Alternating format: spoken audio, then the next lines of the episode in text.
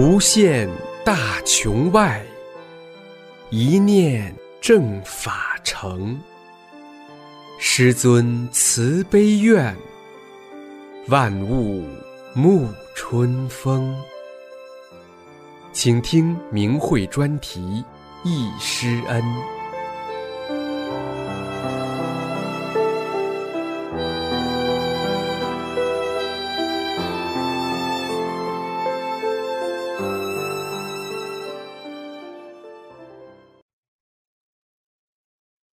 下面请听明慧网二零零六年五月十五日的文章。听师尊讲法的那些幸福的日子，每次读到同修写的回忆师傅早期在大陆传法的点滴时，我都会激动不已，泪流不止，也会让我一次次重温自己听师尊讲法和师傅在一起的那些幸福的日子。因自己修得不精进，深感愧对恩师和大法，一直不敢提笔。今天在庆祝师尊华诞和大法红传十四周年之际，我终于鼓起勇气，跟大家分享我永志难忘的幸福时光。一九九三年，我由德法的家人介绍来到练功点学功。五套动作简单易学，很快学会了。练功点的同修们都十分和善可亲，让人感到很舒畅。我终于盼到了师傅开班的日子。七月二十五日，师傅在公安大学礼堂举办北京市第十一期讲法班。我的座位在楼上，没开课前。我目不转睛地盯着讲台，心底有一种迫不及待的期盼。上课了，师傅从后台准时走了上来。师傅高高大大的形象一下印在了我的脑海。十天课中，师傅深入浅出地讲述了博大精深的法理，幽默的语言深深吸引着我。仿佛有一股清泉流入心底，洗涤我心灵的污垢，滋润我的心田；又好像有一盏明灯，照亮了我前进的方向。这一切令我激动万分。当时我就认定师傅是一位大佛，师傅出来传法教功，这是空前绝后的事情。教功时。师傅有时在台上教动作，有时走到学员中纠正学员动作。我人在学功，可眼睛却随着师傅转，从楼上到楼下，一直盯着师傅看。一次，师傅在楼上纠正学员动作，我离师傅很远，可是师傅扭头看了我一眼，继续教学员动作。当时我只觉得很神奇，师傅知道我们每一个人的想法。就在师傅讲课期间，我请到了《中国法轮功》这本书。当时最大的心愿是想请师傅给我签个名，可师傅在讲课中刚讲过，不给学员签名是不叫学员起执着心。我当时执着的厉害，只想。师傅的签名对我有多珍贵，所以不顾一切的就想请师傅给我签个名。于是下课后来到后台门口等师傅出来。那天师傅因为有事耽误了一会儿，我一直激动的站在那里等。师傅终于出来了，我的心一下子提到了嗓子眼里，激动的要跳出来。师傅缓缓走来，和我还有一段距离时，在黑暗中，我知道师傅在看我。茂密的树叶遮挡住了路灯的光线。师傅知道原因后，什么也没说，掏出笔来，在没有灯光的情况下给我签了名。我说了声谢谢后，再没有多说一个字，生怕一张嘴会控制不住自己激动的情绪。目送师傅和女儿上了车，望着远去的车影，我失声痛哭。师傅唤醒了我的佛性，让我找到了生命的归宿，我已无遗憾，我成为最幸福的人。看着师傅的签名，我对自己说：“这是真的，以后无论遇到什么都不能怀疑。”一定要想起今天这难忘的时刻，在以后的风风雨雨中，在巨难中，我从未对诗对法有过任何动摇。这坚定的信念来自我看见师傅的那一刻起。这期传法班结束后，紧接着师傅又办了第十二期传法班。因为我当时刚刚上班，开课地点离单位远，需要提前请假，怕单位不同意，十分遗憾的没能够参加。后来悟到机缘难得，不能再错过了，我又在焦急的等待着第十三期传法班。这次开课地点设在丰台区的二期机车车辆厂礼堂，离我单位更远了。我请了假，每天都早早来到会场。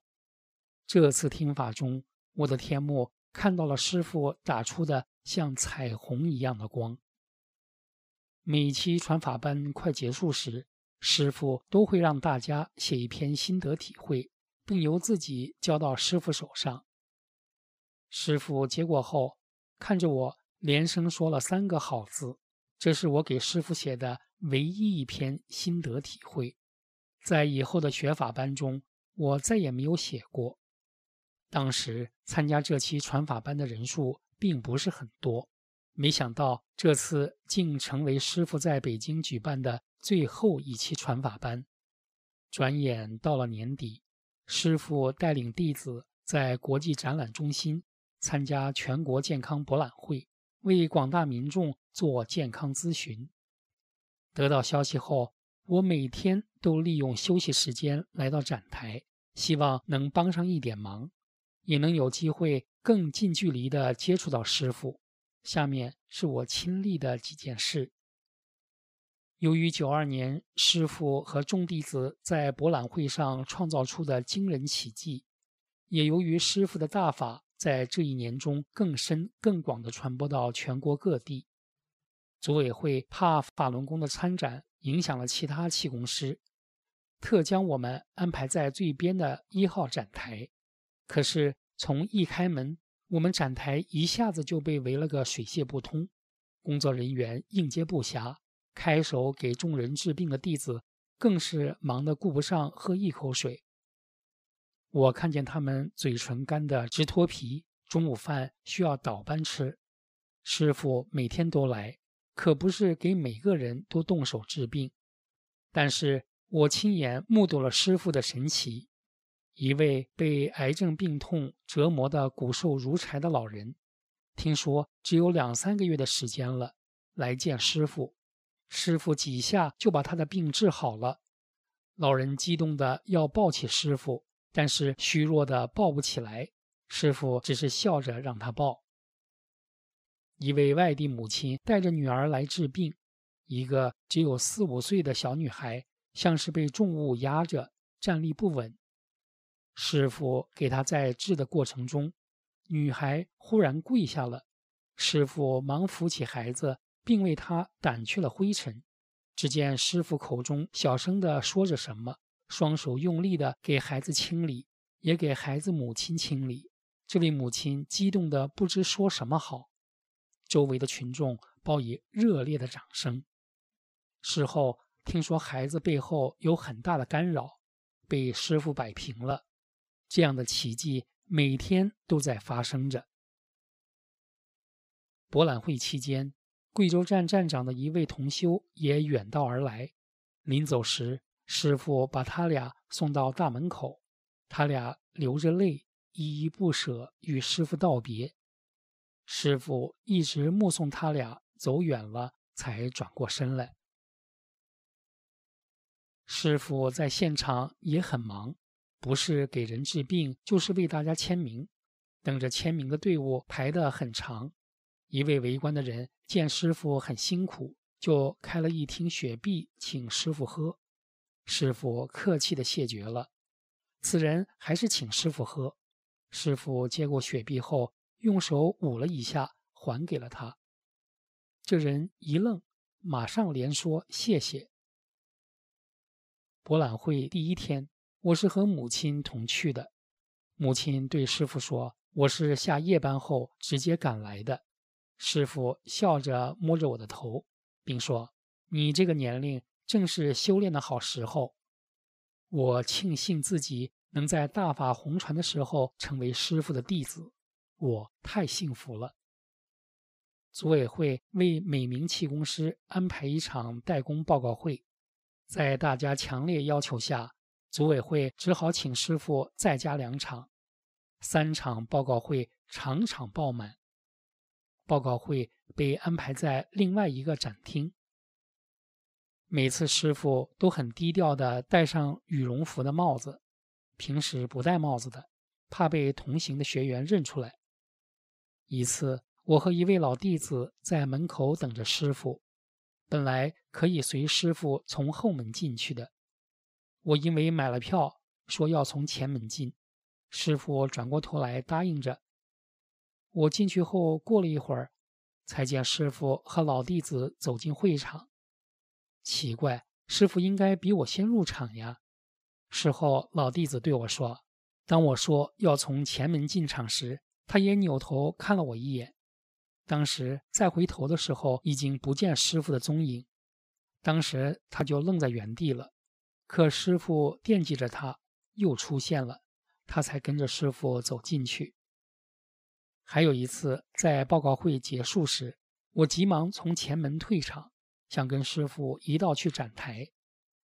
在门口等到人都散尽了，也没有见到师傅，就独自来到展台这边，发现师傅早已到了。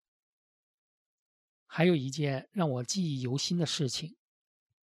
一天中午，师傅在展台二层吃饭。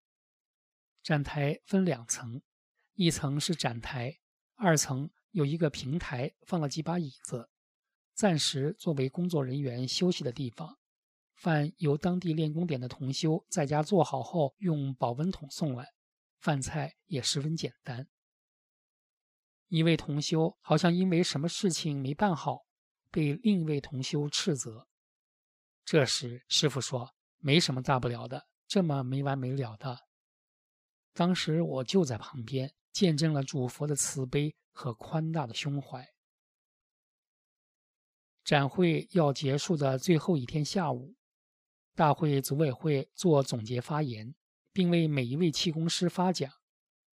师傅获得了大会授予的金奖、边缘科学进步奖。最受欢迎气功师奖等奖项，是获奖最高和最多的气功师。师傅只是低调的领完奖后就退场了，不像其他气功师一样兴冲冲挤在队伍前面领奖，又照相又表演的。博览会结束后，师傅不顾辛劳，接着在天津举办了九四年的第一期传法班。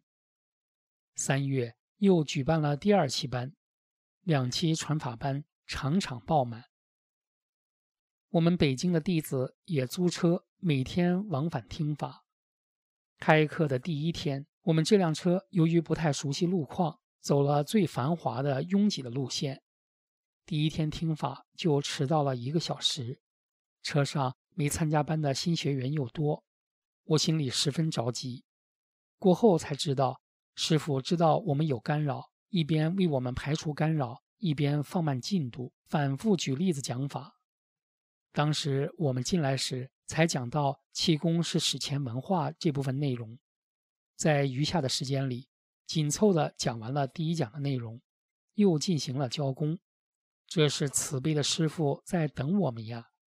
师傅不想落下一个弟子，少听一个字，对我们来说。都会成为无法弥补的遗憾。大概在讲法的第三四天，师傅讲完法后，和带来的弟子一起挪动桌子，准备交工。师傅看了我一眼。那天教的是第二套功法——法轮桩法。在做头前抱轮这个动作时，师傅从讲台左侧下来，一边给学员纠正动作，一边向讲台右侧第一排的我走来。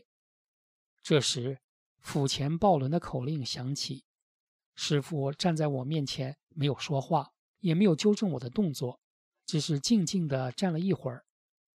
我保持着练功动作，不敢抬头看师傅。在推转法轮四次时，我明显的感觉到手上多了一样东西，像是戴了一枚戒指。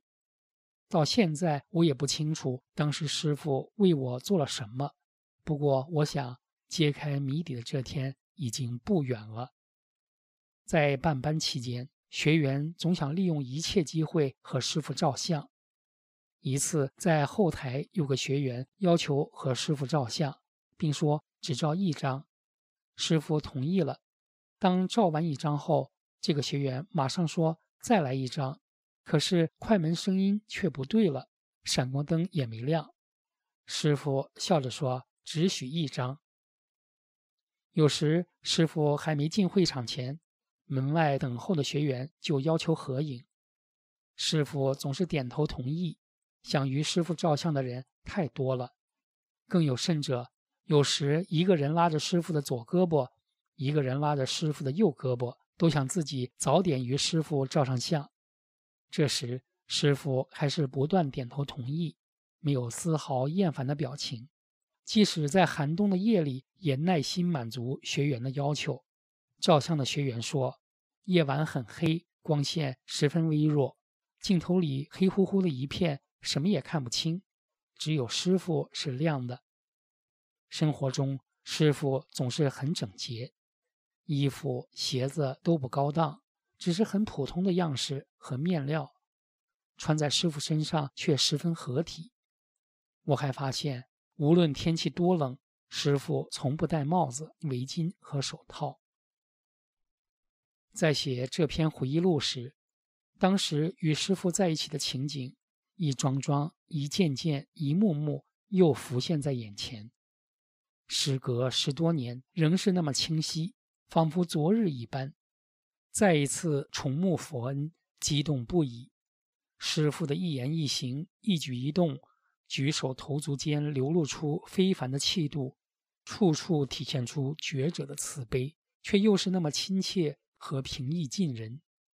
虽然现在国内弟子不能面见师傅，但是真修者处处都能感受到师傅就在身边，看护着我们，保护着我们。在师傅传法十四年之际，在正法的最后阶段，让我们共同精进吧。永远毫不迟疑地按照师傅的话去做，共同迎接与我们伟大师尊团聚的那一天吧。有不当之处，请同修们慈悲指正。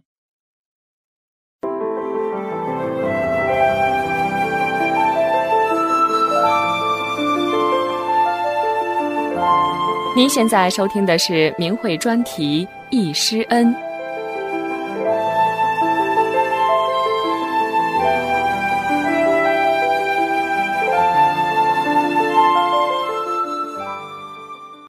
请听易师恩专题文章，题目是《回忆师尊在石家庄讲法的日子》，作者石家庄大法学员。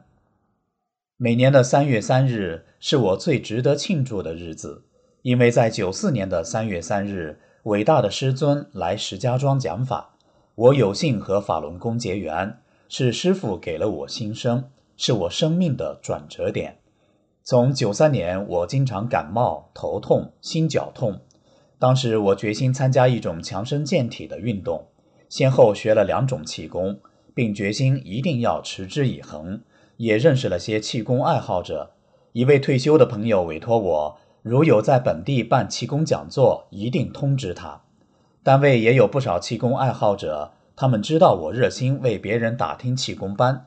就从气功协会拿回九四年三月三日法轮功办班的简介给我，我及时通知了那位朋友。三月三日上班后，我对给我简介的同事说：“让他们去听报告，我在单位顶岗，他们都不去，并让我去。听报告的礼堂离我单位只有五分钟的路程，我很不情愿地说，只因为离得近，如果远我就不去了。我到达礼堂后，一看车辆很多，就知道人多，问把门的人在哪买票，那人说现场不卖票，在青少年宫卖。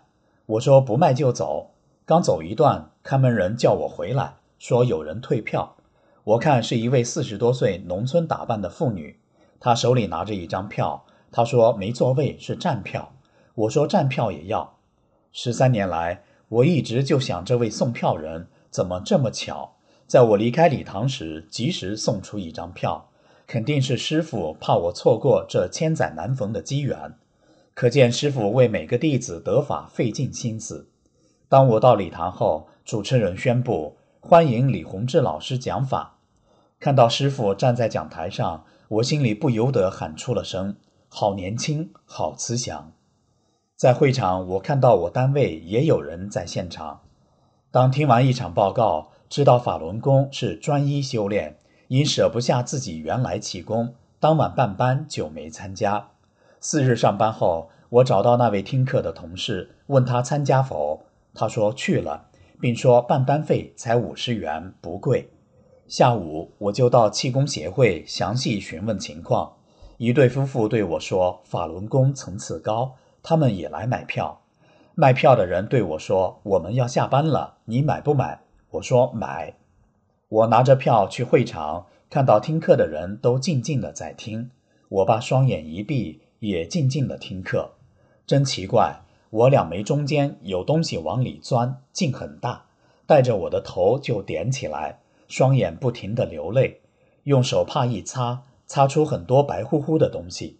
我当时光知道神奇，不知道是师傅在给我调整身体，心想我学别的功，十个月没任何感觉，法轮功刚入场就这么大效果，这个功好，要学这个功。师傅讲课中说：“能学法轮功是三生有幸，是祖上积德。”当给师傅写心得体会时，向师傅表了态，要学法轮功。听完师傅十堂课，世界观发生了意想不到的变化。从开始不情愿到最后一堂，知道师傅是最后一堂课，心里真不想让师傅离开。当师傅解答完问题后，有一个小结。外地学员都给师傅献锦旗，气功协会主持宣布，下面有石家庄代表发言。呀，冷场！主持者并没有提前安排发言代表，所以冷了场。主持者说，如果没人发言，就开始下一项。我当时想，不能对师傅没礼貌，我要尽地主之谊。我马上跑到舞台侧面，找到相关人员，表示我要代表石家庄学员发言。当我站在话筒前，大声说：“我代表石家庄学员，热烈欢迎全国各地的学员。”台下一片掌声。第二句，感谢李洪志师傅到石家庄来传功。台下又一阵掌声。我接着说：“今天没准备，不知说什么好，脑海中只有一句话，就是我们一定要学好法轮功。”台下又一阵掌声。当我转身看师傅时，师傅从座位站起来，我满脸笑容，深深地向师傅鞠了一躬。师傅双手握着我的手，看着我笑着。我觉得自己当时很幼稚、纯真、莽撞，现在回想起来是多么的幸福和荣幸。同年六月，石家庄有三百人到济南参加学习班，因家里存在一些困难，没有想去，但很多学员都说。如果不去是终生的后悔，于是我经过一番努力，将家里的事安排好。要去济南的当天凌晨三点就醒了，高兴的怎么也睡不着。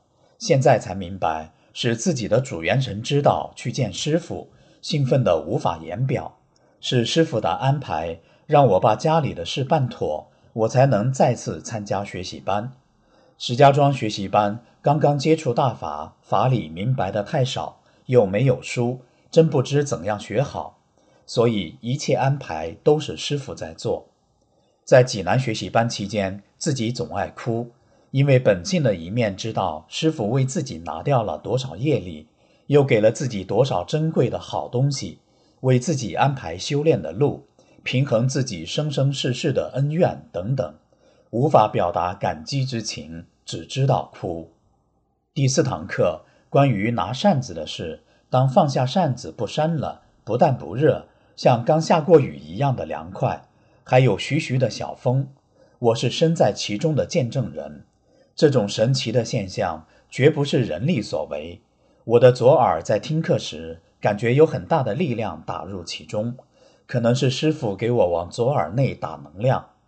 在济南，无论见到任何普通世人，都觉得很亲切，主动告诉他们，早晨在大明湖东门口有练法轮功的，晚上黄庭体育馆在办班。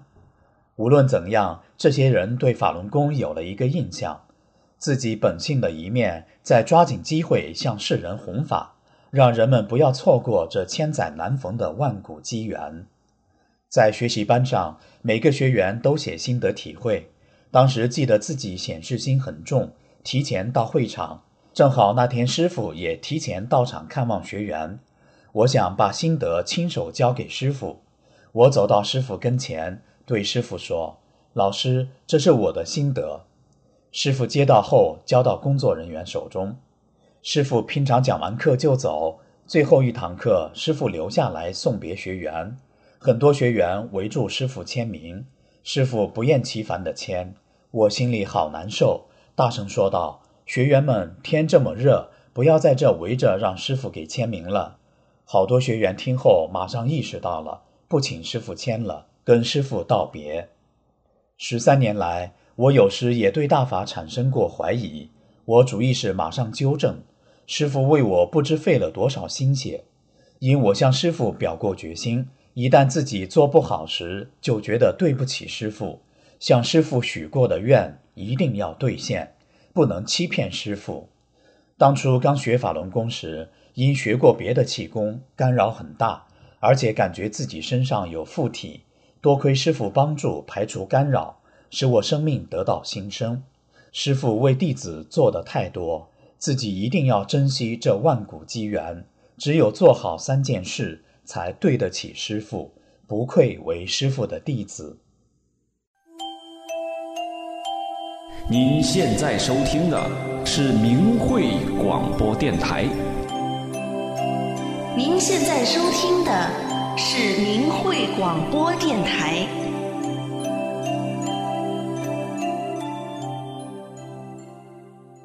请听明慧交流文章，题目是《永远铭记在心底的日子》，作者黑龙江大法弟子。文章发表于明慧网，二零零六年五月一日。一九九四年八月五日，我有幸参加了在哈尔滨市。冰球体育场举办的法轮功学习班，聆听了伟大师尊的讲法，这是我一生最幸福、最愉悦的日子，永生难忘。从那天起，我才知道了生命是从哪里来，又将到哪里去。我看到了生命的光明所在，了知了生命的真正归宿。我知道，这就是我要找、要练的功法。从那天起，我开始了严肃认真的修炼。打开回忆的闸门，泪水几次打湿了稿纸。已经十二个年头没看见师傅了，在这里借明慧一角问声师傅好，师傅辛苦了。那期学习班共办了八天，参加的人数有四五千人。基本上是晚上六点到八点，师傅讲法，然后由师傅带来的弟子在师傅的指导下教一套功法。师傅耐心祥和的，一个动作一个动作的给我们讲解。师傅特别严守上课下课的时间，特别强调学员要提高心性。第一天上课六点整，师傅准时步入讲法场。场内顿时寂静无声，随之响起热烈的掌声。我的座位在冰球场的最后一排，虽然居高临下，可是离师傅太远，看不清师傅，心里着实有些急，想往前去，可是又对号入座，场内祥和有序，自己又不好意思往前去。下课后，我就与 A 同修说：“我座位在最后，看不清师傅，干着急。”有一天，师傅是白天讲法，下课后，A 同修拉起我的手就往外跑，我忙问：“跑什么呀？”他说：“好事儿。”我俩从冰球场后门跑出来，A 同修气喘吁吁地说：“师傅一会儿从这里走，在这等吧。你不是看不清师傅吗？”我说：“你怎么知道的？”他说：“听工作人员说的，怕为师傅的人多。”很快，师傅在工作人员的陪同下缓步走出来。当我看见既慈悲又威严的师傅时，我几乎呆了，张着嘴一动不动的看着师傅从我身边走过，上了一辆黑色轿车，随着一声喇叭响。我如梦初醒，看着远去的轿车，自己真后悔，当时怎么没上前问候一声呢？我终于幸福的看清了伟大的师傅。现在想起来，我真感谢师傅的安排。缘万事缘，当我第一眼看见师傅的时候，感觉师傅那么可亲，不知为什么，我无名的流泪。听师傅讲法，越听越爱听。我就像久旱逢甘露的禾苗一样，心里那种舒服、兴奋和激动难以言表。后来就感觉有一种抑制不住的困，我恨自己不争气，怕打瞌睡无法听清师傅的讲法。后来师傅说，大意是：有的人脑袋有病，脑袋要调整起来是受不了的，就让他睡，睡着了也能听到师傅的讲法。接着，师傅又给全体学员调整身体，先调整馆内的一半。师傅说：“一二三，男左女右一起跺脚，要跺齐。”开始那一半人没跺齐，师傅笑了，说：“得重来，一定要跺齐，就是啪一个声音。”等我们这一半的人一跺脚的那一瞬间，我打了一个冷战，全身向外排冷气。过一会儿，从头顶到脚，全身发痒发热，积压在胸口多年的一团余气一下子出来了。平时总觉得胸堵、胸闷、爱叹气，那种轻松，就像闷在缺氧的屋子里，一下推开了两扇窗户，呼吸是那样的畅通，窗外是那样的明朗。多年被病魔折磨的身体一下子解脱出来。无名的泪水再一次流淌下来。当时人的这一面只知道师傅给净化身体有效果了，很高兴。可随着不断的学法修炼，才明白那是生生世世山一样的业力，让师傅给消掉了呀。师傅吃多少苦，承受多少，师傅正法的难度，真不是人能理解得了的。也不是用人类的语言所能表达清楚的。学习班进行到最后一天，师傅绕场一圈一圈的走，走得很慢。有时师傅一只手高高的挥起，有的学员说：“师傅给咱们好东西呢。”这时与我一起参加学习班的同事 B 两眼淌泪，我以为他哭了。我看了看他，他说：“大姐。”你看见法轮了吗？我说没有啊。他说，我看见师傅一挥手，一道光，晃得我眼睛流泪。光的照下，像雪花一样的法轮往大家身上落，法轮快速的旋转，法轮有的大，有的小，大的变小的，小的变大的。我真为他高兴。我说，你看到真相了，不得流点眼泪吗？我在学习班上。当时就知道师傅给我下了法轮，小腹有动的感觉，这种状态几天就过去了。学习班结束了，真不愿意离开师傅啊！写完这篇回忆，更让我万分珍惜师傅的苦度，珍惜师傅的宏大慈悲，更鼓励我认认真真的做好三件事，走正走好最后的正法路。如有不准确的地方，请参加同一个学习班的同修纠正。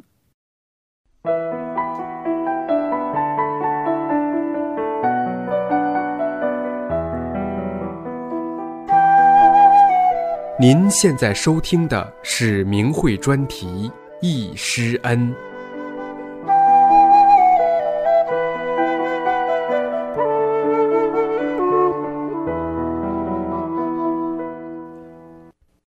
请听易师恩专题文章，题目是“九四年参加面授班的幸福回忆”，作者大陆大法弟子。一九九四年一月二十五日，我有幸参加了师尊在山东省济南青年科技中心举办的八天法轮功学习班，当时约有六百多人参加。我和三位来自湖南大庆的小伙子同住一个宿舍。组委会把会场守门的任务交给了我们。二十五日，师尊优先做了第一场报告会，我们四个人在会场守门，学员凭听课证依次入场。我们只顾低头看每个人的听课证。大约八点钟，师尊带着女儿默默地随着学员从大门入场。我们看到师尊手里没有听课证，就拦着问：“听课证呢？”这时，师尊很慈悲地轻声说。我是来讲课的，当时大家才发现原来是师尊，我们都不好意思的笑了。师尊看上去只有二十多岁，高大英俊。讲课开始后，师尊单手立掌，向在场的许多学员致意。现在回忆起来，师尊是那么的平易近人和慈悲，没有一点架子。师尊生活十分简朴，平时总是穿一件黄色夹克。只有上课前才换上蓝色西服。记得在报告会上，师尊让大家体验法轮，让大家把手伸出来。当时我感到手上有东西在旋转，手发热，感到身体周围都有东西在旋转。师尊还给大家调整身体，叫大家想病气从右脚出去。随着师尊手向下挥，大家跟着号令齐跺右脚。然后又换左脚把病气排出。师尊说：“你在哪，我都够得着你。”意思是说，坐得远的学员。师尊给大家调整身体时，有时打的手印很快，一连串动作令人目不暇接。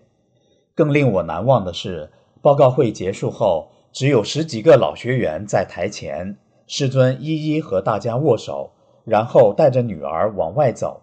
当经过我和另一位学员身旁时，师尊慈悲地看着我，把手伸给我。这时我感到脑子一片空白，不由自主地双手合十，向师尊鞠躬。师尊轻轻地扶着我们两个的腰走了过去。当时我感到身体很轻松舒服。现在回想起来，那段真是幸福的日子，沐浴在师尊宏大的慈悲救度中。在第一堂课教第一套功法时，我身边一位女学员不停地干呕，就是吐不出来。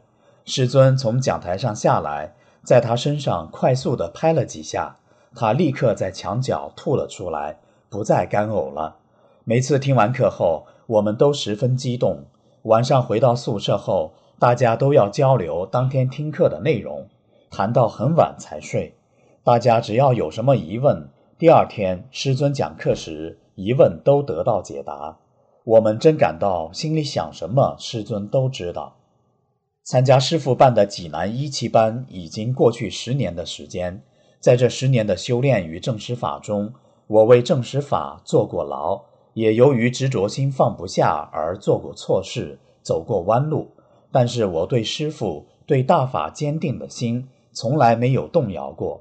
每当回忆起十年前的情景，历历在目，仿佛就发生在昨天，不禁想落泪。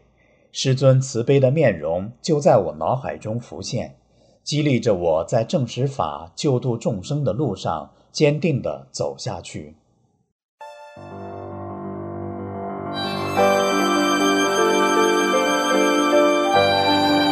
这次的易师恩就到这里，谢谢收听。